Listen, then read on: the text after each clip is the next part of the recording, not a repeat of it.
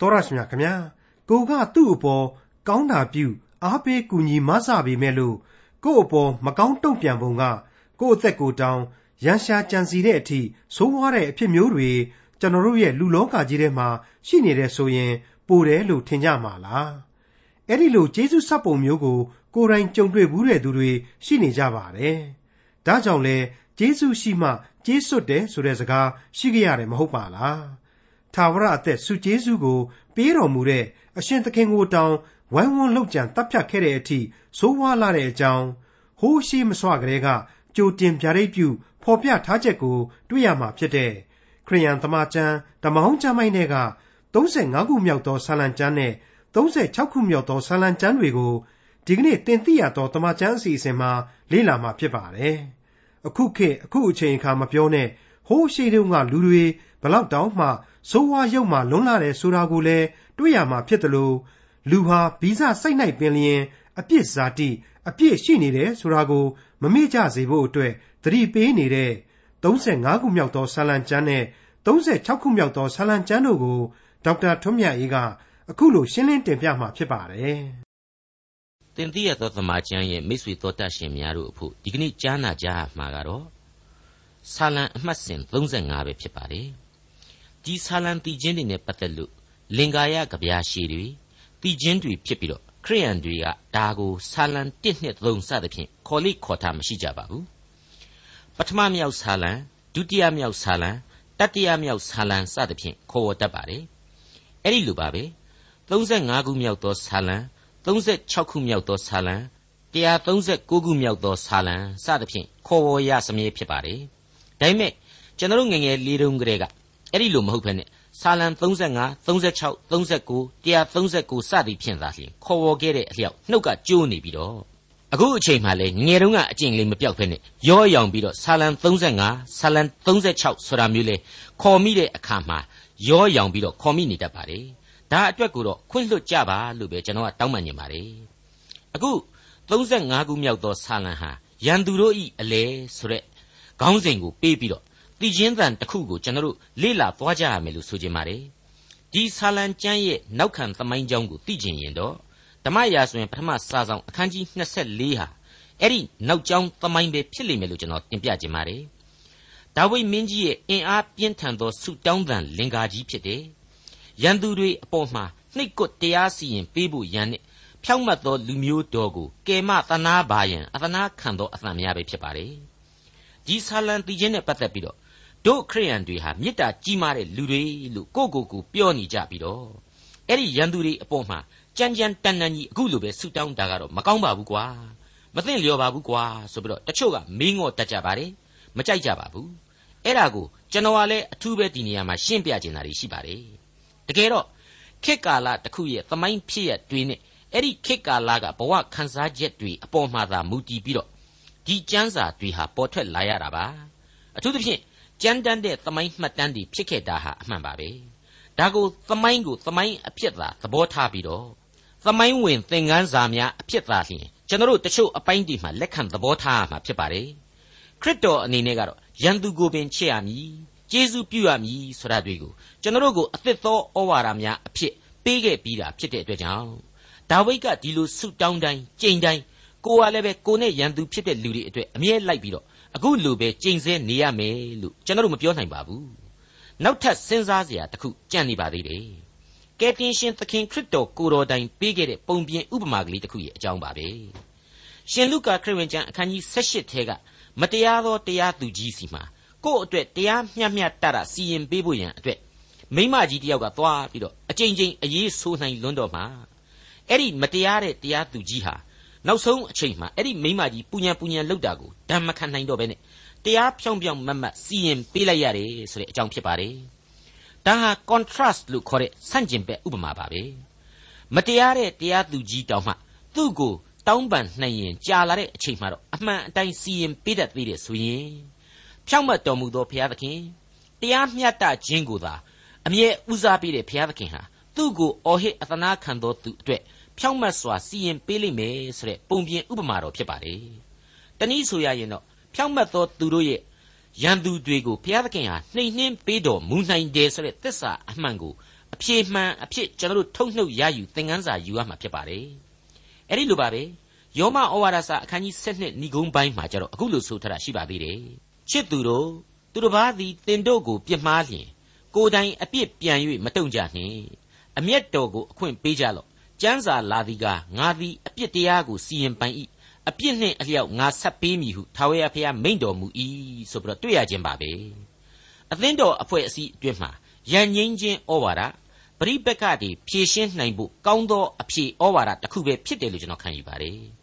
အခု35ခုမြောက်သောဆာလံရဲ့နောက်ခံသမိုင်းဖြစ်တဲ့ဓမ္မရာဇဝင်ပထမစာဆောင်အခန်းကြီး24ထဲမှာလေသေသေးချာချာမှတ်မှတ်သားသားမြင်ရတဲ့အချက်တွေရှိနေပါသေးတယ် ဒါဝိဒ်ဟာအဲ့ဒီအတိတ်သမိုင်းကြောင်းမှာသူ့ကိုလိုက်သတ်နေတဲ့ရှောလူဘရင်ကြီးကိုသူကိုယ်တိုင်လက်စားချေနိုင်လောက်တဲ့အခွင့်အရေးကြီးရခဲ့ပါတယ်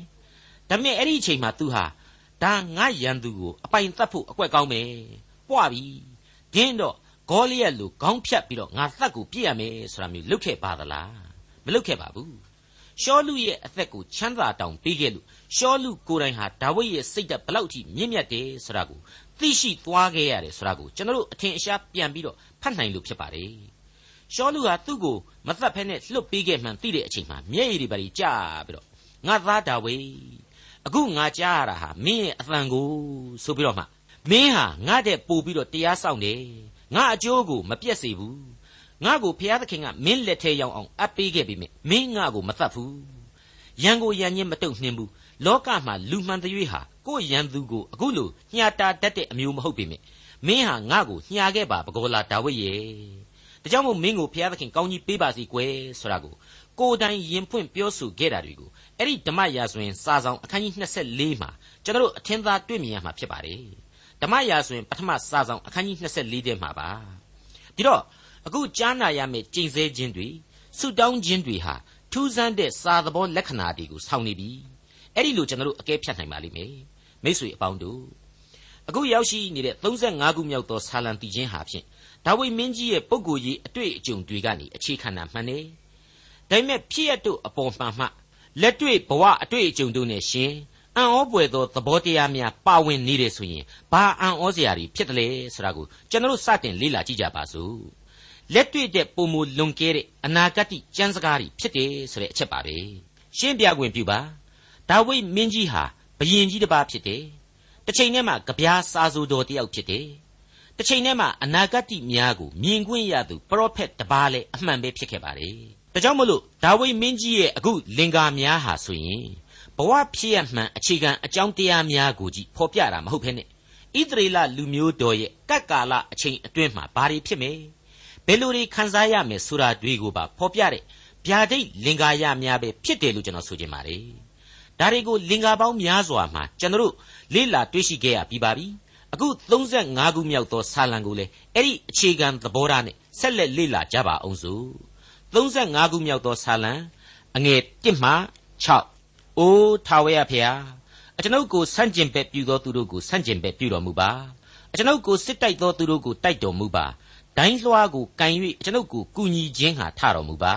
အကျွန်ုပ်ကိုလိုက်သောသူတို့ရှေ့၌လှံတော်ကိုရွယ်၍စိတာတော်မူပါငါသည်သင်၌ချမ်းသာပေးသောသူပေသည်ဟုအကျွန်ုပ်၏ဝိညာဉ်အားမိန့်တော်မူပါအကျွန်ုပ်အသက်ကိုရှာသောသူတို့သည်အရှက်ကွဲ၍မျက်နှာပြက်ကြပါစေသောအကျွန်ုပ်ကိုအန်တရာပြုမိဟုကြံစီသောသူတို့သည်လှန်ခြင်းကိုခံရ၍ရှက်ကြောက်ခြင်းသို့ရောက်ကြပါစေသောထိုသူတို့သည်လေတိုက်သောဖွဲကဲ့သို့ဖြစ်ကြပါစေသောထာဝရဘုရား၏တမန်သည်လည်းသူတို့ကိုလှဲပါစေသော သူတို့သွားသောလမ်းသည်မိုက်သောလမ်းချောသောလမ်းဖြစ်ပါစေသော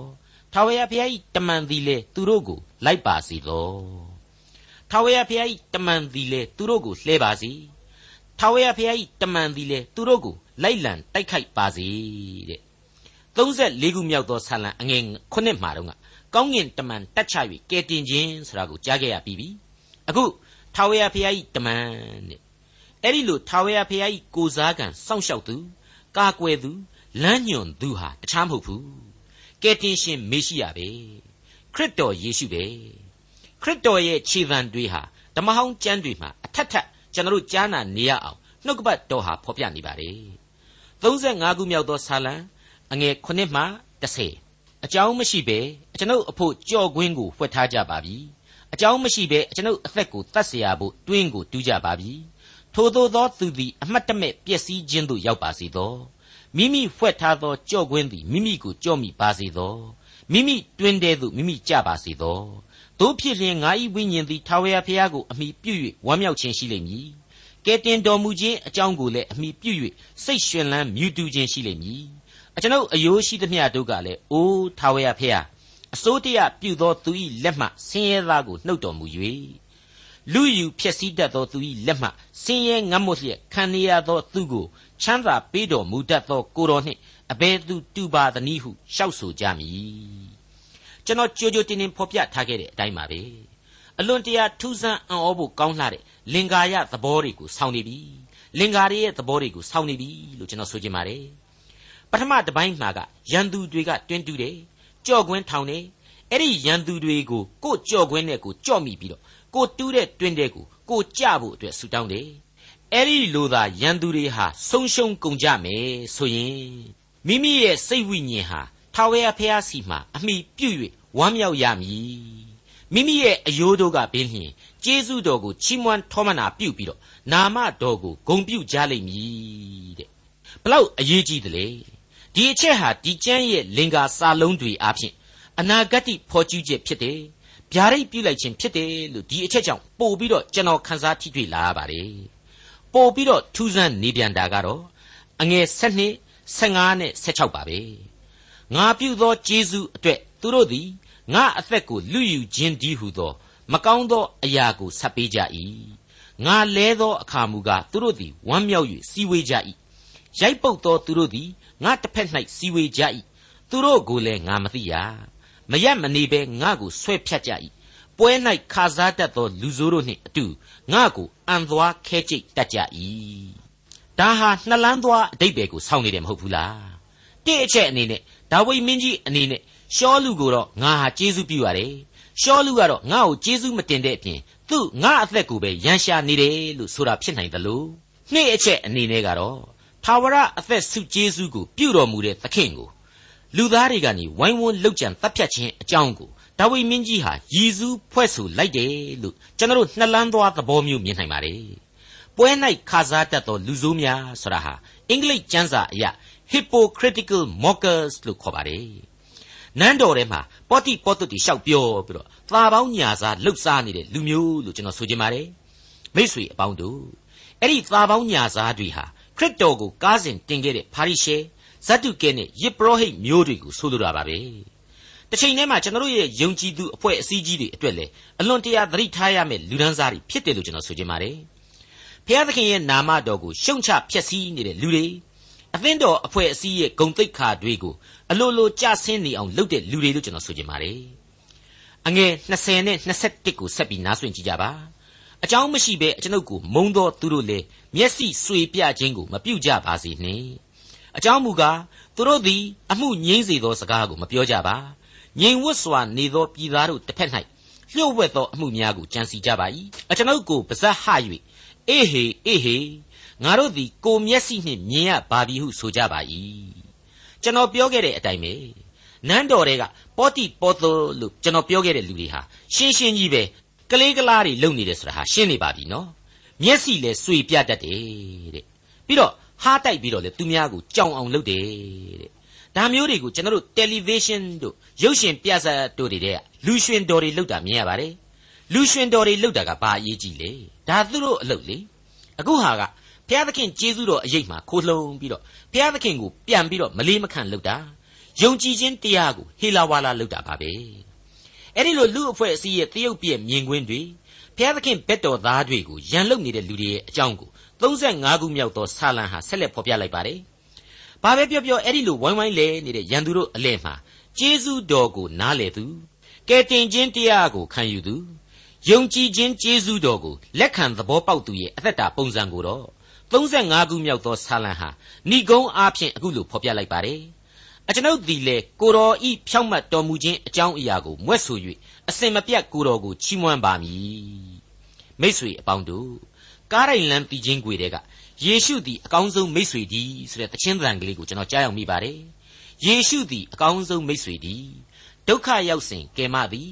ကောင်းကြီးခံရန်ကိုတော်ထံချင်းကပ်ထပ်မံ၍ပေးအောင်မည်နေအလင်းနှင့်မိုးရေကိုပေးစပားသီးနှံကြွယ်ဝစွာကြွေနေလင်းမိုးရေစပားပေးသည်မိတ်ဆွေသည်ယေရှုသည်အကောင်းဆုံးမိတ်ဆွေသည်ကျွန်ုပ်အမှန်ချစ်မည်ဤမျှချစ်သောမိတ်ဆွေစစ်ကို ဘယ်ခါမျှမပယ်လို့လမ်းမှန်လျှောက်ရန်ကိုတော်နောက်လိုက်နေညမပြတ်စောင့်ရှောက်စင်ခိုင်နောက်တော်သို့လိုက်အစဉ်တစိုက်မိတ်ဆွေသည်တဲ့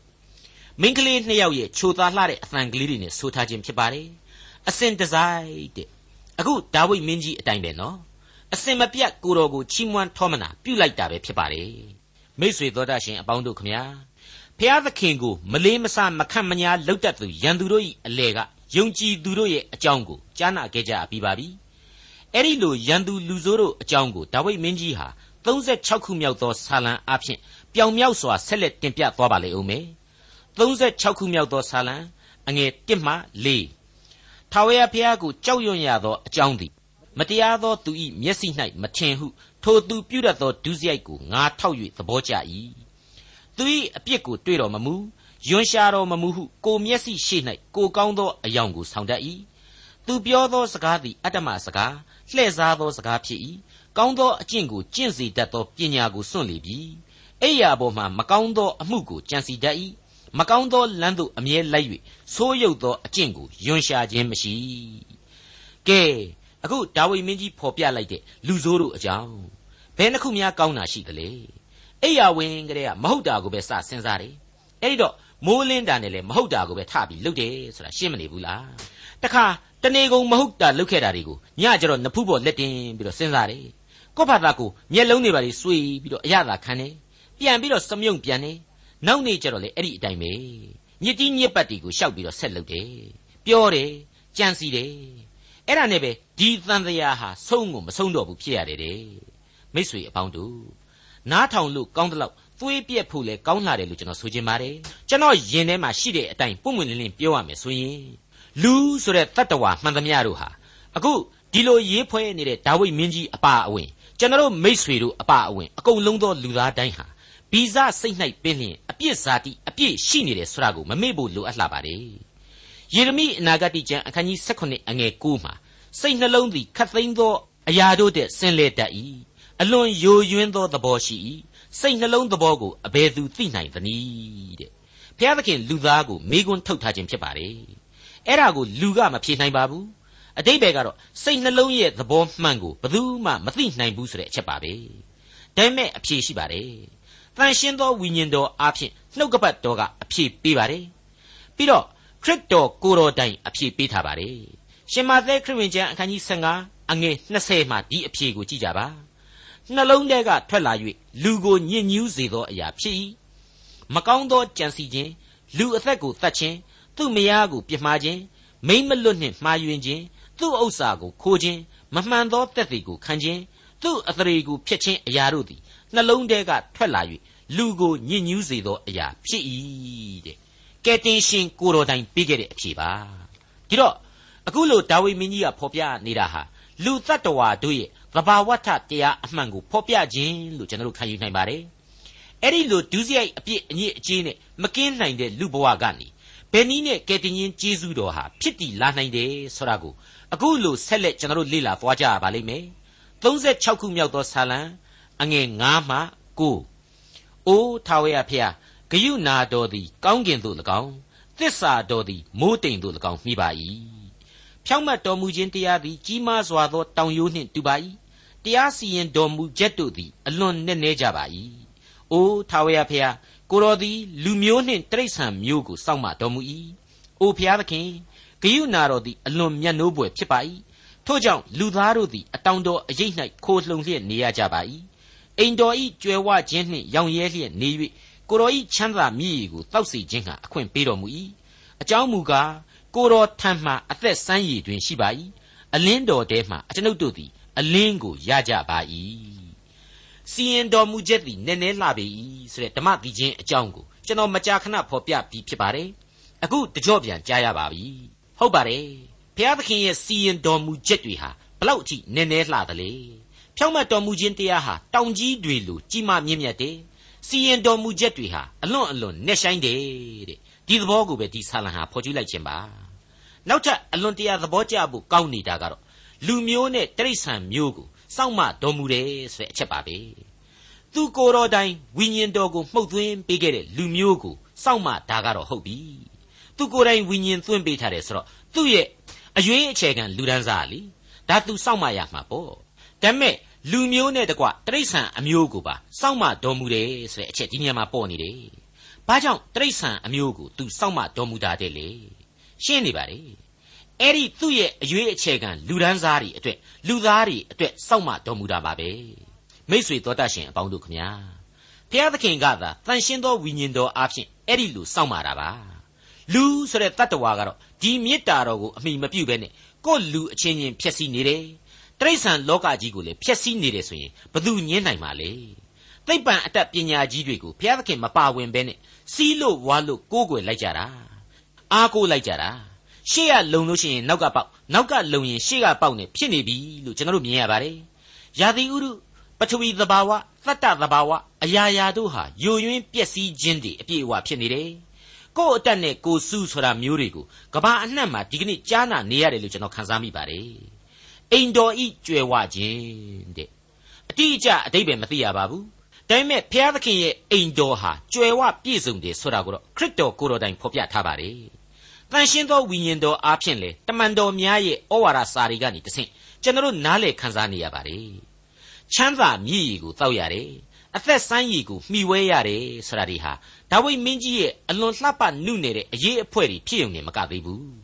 နှုတ်ကပတ်တော်ရဲ့ခိုင်လုံပြတ်သားသောအနှစ်သာရတွေကိုအားဖြည့်ပေးလိုက်တဲ့ဖော်ကျူးချက်များဖြစ်တယ်လို့ကျွန်တော်ခံယူပါတယ်23ခုမြောက်သောဆာလံတို့ကဆိုရင်ပါရသောမျက်နာသို့လမ်းပြတော်မူ၏ဆိုပြီးတော့ဖော်ကျူးထားပါတယ် ပထမမြောက်သောဆာလံမှာတော့ကဆိုရင်မျက်နာမှာစိုက်လျက်မိမိအချိန်တန်မှအသီးကိုသိရတယ်အရွက်မညှိုးနွမ်းနိုင်ဘူးဆိုတာတွေကိုလေဥပမာအဖြစ်ဒါဝိမင်းကြီးဖော်ပြပေးခဲ့ပါတယ်အလွန်လှပတဲ့အဖွဲအနှဲ့တွေပါဣသရေလလူမျိုးတော်ရဲ့သေလူမျောပါငိုကြွေးမြည်တမ်းခြင်းမှာကြောက်မှစမ်းရည်ကိုစီးထွက်စေခဲ့တဲ့အတိတ်သမိုင်းကြောင်းကိုလွတ်ဆွစေပါတယ်အလွန်ခါးသီးတဲ့မာရအယက်ဒေသကရေကိုကားတိုင်ကိုစားပြုတစ်ပင်အားဖြင့် ရေကြိုတို့ပြောင်းလဲပေးစီခဲ့ကြောင်းကိုပြန်လဲအောက်မေ့စရာကောင်းလာပါတယ်ခရစ်တော်ကိုယ်တော်တိုင်ဟာရှမာရိမိမတယောက်ကိုပြောခဲ့တဲ့အတန်ရှိပါတယ်ရှင်ယောဟန်ခရစ်ဝင်ကျမ်းအခန်းကြီး၄အငယ်၁၄မှာပါငါပေးသောရေကိုတောက်သောသူမူကားရေငတ်ခြင်းနှင့်အစဉ်ကင်းလွတ်လိမ့်မည်ငါပေးသောရေသည်ထိုသူ၌သာဝရအသက်ရှင်ခြင်းအလို့ငှာထွက်သောစမ်းရည်ဖြစ်လိမ့်မည်ဟုမိန့်တော်မူ၏ဟုတ်ပါတယ်မိတ်ဆွေကျွန်တော်အသက်စမ်းရည်ကိုပေးသူသခင်ဟာ ကိုယ်တိုင်ကရေကိုအငတ်ခံခဲ့ရှာပါတယ်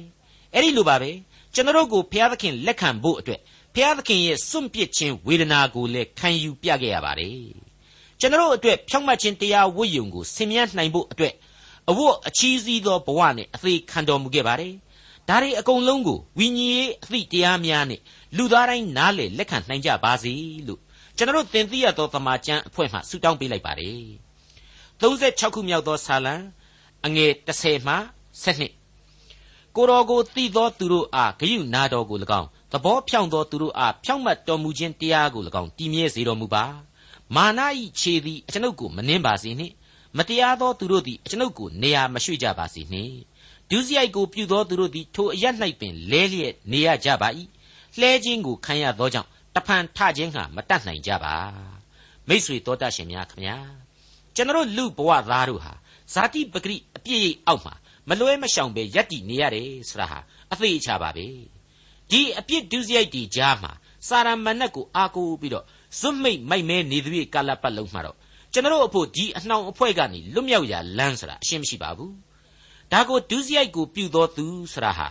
အဲ့ဒီဒုစရိုက်အရက်မှားပင်လျင်နလန်မထပဲလဲနေကြရတယ် စာရမဏတ်ရဲ့လှဲချခြင်းဆိုတာဟာနောက်ထပ်ထပ်ပြီးတော့ထမြောက်ဖို့အလွန်ခက်လာတယ်ဆိုတဲ့သဘောကိုဆာလံတီခြင်းအပြင်ထင်ရှားစွာဒါဝိမင်းကြီးဖော်ကြည့်လိုက်ခြင်းပါပဲ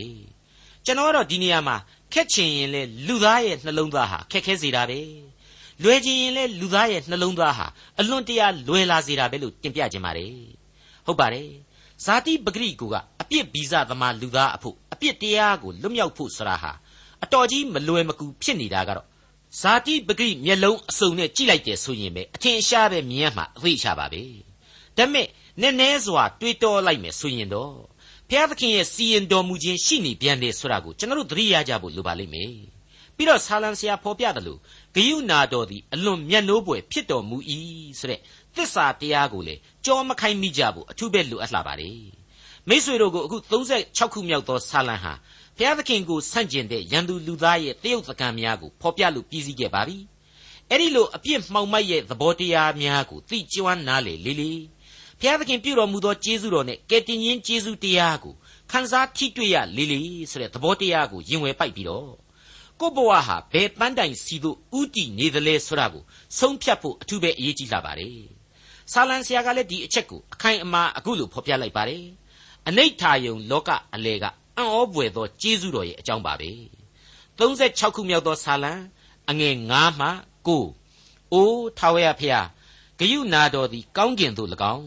သစ္စာတော်သည်မိုးတိမ်သို့၎င်းမိပါ၏ဖြောင့်မတ်တော်မူခြင်းတရားသည်ကြီးမားစွာသောတောင်ရိုးနှင့်တူပါ၏တရားစီရင်တော်မူချက်တို့သည်အလွန်နက်နဲရာဖြစ်ကြပါ၏အိုးထာဝရဖျားကိုတော်သည်လူမျိုးနှင့်တိရစ္ဆာန်မျိုးကိုစောင့်မတော်မူ၏အိုဖျားသခင်ဂယုနာတော်သည်အလွန်မြတ်နိုးပွေဖြစ်ပါ၏ ထိုကြောင့်လူသားတို့သည်အတောင်တော်အရေးကိုခိုလှုံလျက်နေရကြပါ၏အိမ်တော်ဤကြွယ်ဝခြင်းနှင့်ရောင်ရဲလျက်နေ၍ကိုတော်ဤချမ်းသာမြည်ကိုတောက်စီခြင်းဟာအခွင့်ပေးတော်မူ၏အကြောင်းမူကားကိုတော်ထံမှအသက်ဆန်းရည်တွင်ရှိပါ၏အလင်းတော်ထဲမှာအကျွန်ုပ်တို့သည်အလင်းကိုရကြပါ၏တဲ့မိษွေတို့ဒီကြမ်းပိုင်းလေးကိုဘယ်သောအခါမျှမမေ့ကြပါနဲ့ဘုရားသခင်ရဲ့ကျေးဇူးတော်ကိုချီးမွမ်းကြပါအစဉ်သဖြင့်သခင်နှင့် ထာဝစဉ်အသက်ရှင်သန်ကြပါစို့ဒေါက်တာထွန်းမြတ်ရေးစီစဉ်တင်ဆက်တဲ့တင်ပြရတော့တမချန်းအစီအစဉ်ဖြစ်ပါတယ်နောက်တစ်ချိန်အစီအစဉ်မှာခရိယန်တမချန်းဓမ္မောင်းကျမ်းပိုင်းမှာပါရှိတဲ့38ခုမြောက်သောစာလံကျမ်းနဲ့38ခုမြောက်သောစာလံကျမ်းတို့ကိုလေ့လာမှဖြစ်တဲ့အတွက်စောင့်မျှော်နားဆင်နိုင်ပါတယ်။